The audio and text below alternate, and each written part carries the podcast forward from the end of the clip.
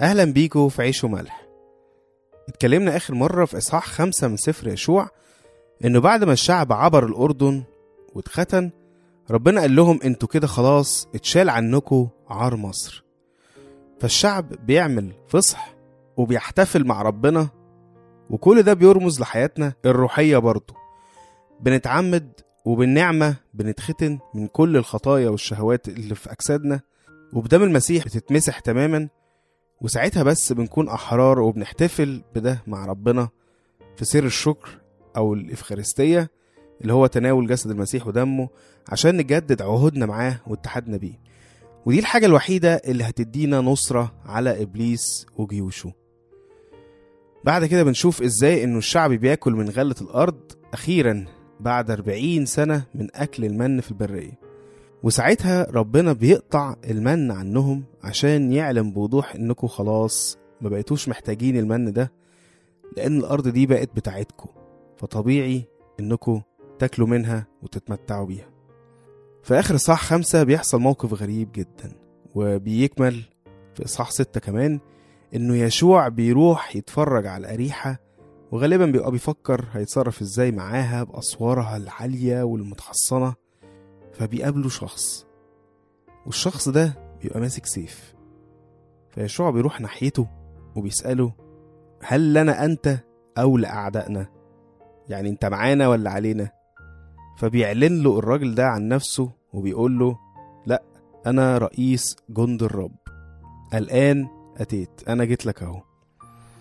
فطبعا يشوع على طول بيسجد على الأرض وبيقول له بماذا يكلم سيدي عبده؟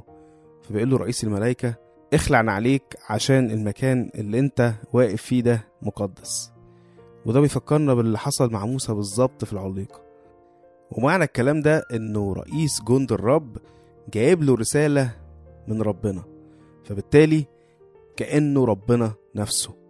وحتى هنلاقي بعد كده في صح ستة صيغة الكلام بقت فقال الرب ليشوع.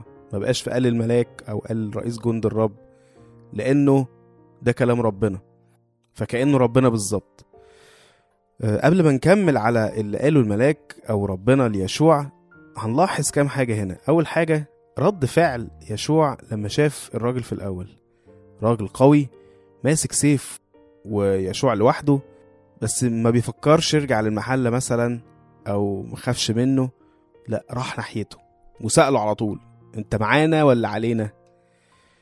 يشوع كان راجل حرب كان مستوعب قوي فكرة الحرب اللي إحنا بنتكلم عليها إنه الناس نوعين يا معانا يا علينا. لو معانا هنتحد بيه ولو علينا هنحاربه. ايا كانت بقى الطريقة اللي هنحارب بيها ده مش موضوعنا. يعني مثلا زمان كانوا بيقتلوا أعدائهم بعدين المسيح قال لنا نحارب أعدائنا بطريقة تانية بالمحبة. وهنلاقي في رومية 12 آية 20 يقول لنا بولس فإن جاع عدوك فاطعمه وإن عطش فاسقه لأنك إن فعلت هذا تجمع جمر نار على رأسه. لا يغلبنك الشر بل اغلب الشر بالخير. هنلاحظ برضو إنه يشوع ما خافش. إيه هيحصل إيه يعني؟ مهما كان عدوي ده قوي بس أنا هقدر عليه عشان معايا ربنا. يشوع ليه خبرات برضه مع ربنا. لو نفتكر قبل كده غير عبور الأردن يعني كان في زمان لما حاربوا عماليق وهو كان بيحارب تحت وموسى كان واقف على الجبل فوق قدامهم رافع عصايته وكان كل ما يتعب وإيده تنزل يتغلبوا وكل ما يرفعها يغلبوا.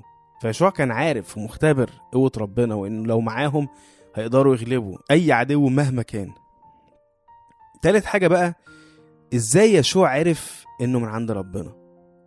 مش عشان مجرد وشه منور مثلا أو شكله قوي أو غريب عنهم فيشوع يتثبت لا ابدا يشوع كان عارف إنه ممكن يكون تبع ربنا أو تبع الشيطان. مهما كان شكله قوي أو حتى منور هنلاقي في كورنثوس الثانية صح 11 بولس بيقول لنا في آيات 14 15 ولا عجب لأن الشيطان نفسه يغير شكله إلى شبه ملك نور. فليس عظيما إن كان خدامه أيضا يغيرون شكلهم كخدام للبر الذين نهايتهم تكون حسب أعمالهم ودي حاجة لازم نتعلمها قوي اوعى تسيب المظاهر تخدعك. الشيطان يوم ما هيجيلك مش هيجيلك شكل وحش أو بقرون مثلا. بالعكس ده هيجيلك في أحسن صورة تتخيلها عشان يقدر يخدعك ويضحك عليك. في يوحنا الأولى إصحاح أربعة آية واحد يقول لنا أيها الأحباء لا تصدقوا كل روح بل امتحنوا الأرواح. هل هي من الله؟ لأن أنبياء كذبة كثيرين قد خرجوا إلى العالم. طبعا هو ده مش معناه إننا نشك في كل الناس لأنه من شروط المحبة إنها تصدق كل شيء. إنما المقصود هنا إننا ما نتخدعش في أي حد ونقول يا سلام ده النعمة باينة عليه ده من ربنا. من غير ما نرجع لربنا أصلا. وإحنا ربنا مدي كل واحد فينا روحه القدوس جواه عشان يرشده في كل حاجة في الدنيا.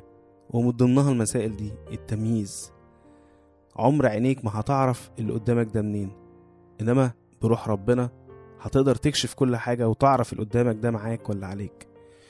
يشوع عمل كده برضه وعرف إنه الملاك ده من عند ربنا فعلا فعلى طول بيخلع عليه وبيسجد للأرض وبيبتدي يتكلم معاه بقى.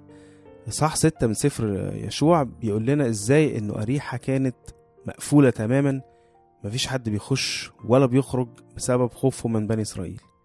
ودي مدينة كبيرة بقى وعندهم مخزون يكفيهم سنين فيعني عادي خليكوا محاصرين يا شعب إسرائيل براحتكوا ومش هتوصلوا لحاجة برضه أنتوا اللي هتتعبوا. وده غالبا اللي هيحصل لنا في حياتنا مع ربنا خصوصا لما نخش في علاقة أعمق معاه. إنه هنلاقي كل المشاكل اللي بنتعرض لها هتكون متقفلة بالشكل ده. ملهاش حل وملهاش منفذ ومش ممكن أبدا هتتحل بالأساليب الأرضية أو بالمنطق بتاع العالم. وده عشان ربنا يختبر إيماننا ويقويه وفي نفس الوقت عشان لما نآمن وندخله في المشكلة وبعدين يتمجد فيها يشوف الناس الكلام ده ويأمنوا بيه لأنه العمل ده ما كانش ممكن يكون عمل أرضي ده عمل سماوي. المرة دي بقى ربنا طلب حاجة في منتهى الغرابة من يشوع. قال له بص يشوع أنا خلاص اديتك أريحة وأنت انتصرت على ملكها وشعبهم وبيقول عليهم حتى جبابرة البأس. يعني بيفكروا هنا إزاي المدينة دي قوية وحتى لو عديتوا أسوارها كمان شعبها جبابرة بأس. بس برغم من كل ده أنا اديتها لك خلاص أنت انتصرت عليهم. طب إيه بقى الخطة يا رب؟ هتشوف لنا خدعة مثلا عشان نقدر نفتح باب المدينة ونخشها؟ ولا مثلا هتنزل عليهم وباء ياكلهم كلهم؟ إنما الحقيقة ربنا كان عنده خطة تانية خالص. قال لي يشوع بص بقى هي دي الخطة. كل اللي هيحاربوا هيدوروا حوالين المدينة مرة واحدة لمدة ست أيام. وهتاخدوا معاكم تابوت العهد وقدامه سبع كهنة معاهم أبواق وهيلفوا معاكم برضه. وفي اليوم السابع هتلفوا المدينة سبع مرات. وفي آخر لفة كل الناس هيهتفوا جامد قوي. فالسور هيقع في مكانه. بس وكل واحد بقى يخش المدينة من الحتة اللي هو واقف قدامها ويقتل كل اللي هيلاقيه. بس كده. هي دي الخطة يا رب؟ آه. طبعا تخيلوا كده أي قائد جيش لو سمع خطة زي دي كان ممكن يعمل إيه؟ هيقول ده تهريج. وإحنا كده هنهين نفسنا.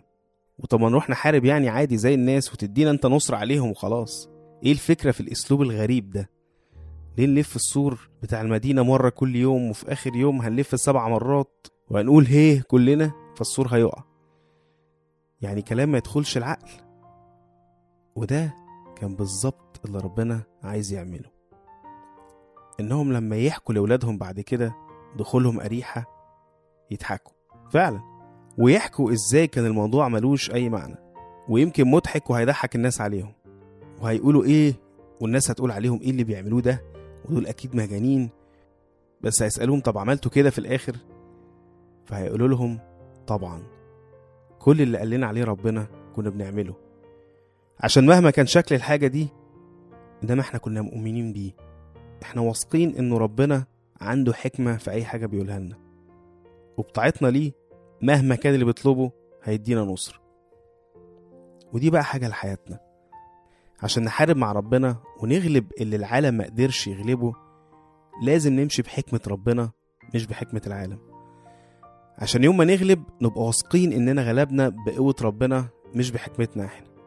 لو ربنا طلب منك حاجات غريبة من خلال كلمته أو الروح القدس ولما عملتها الناس اتريقت عليك وقالت عليك مجنون أعرف إنك ماشي صح وربنا بيحضرك لنصرة عظيمة. افتكر مش ممكن هتعرف تهزم إبليس أو توقع أسوار العدو. مش ممكن هتدخل أي نفس متحصنة ضد ربنا بحكمة العالم. لكن بالإيمان بقوت ربنا وإنه هو الوحيد اللي هيقدر يوقع الأسوار دي. رسالة بولس الرسول الأولى لأهل كورنثوس إصحاح 2 آيات 4 و5 تقول لنا وكلامي وكرازتي لم يكون بكلام الحكمة الإنسانية المقنع بل ببرهان الروح والقوة. لكي لا يكون إيمانكم بحكمة الناس بل بقوة الله.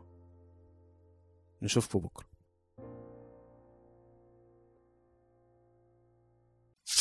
راديو ملاح. دي دنيا تا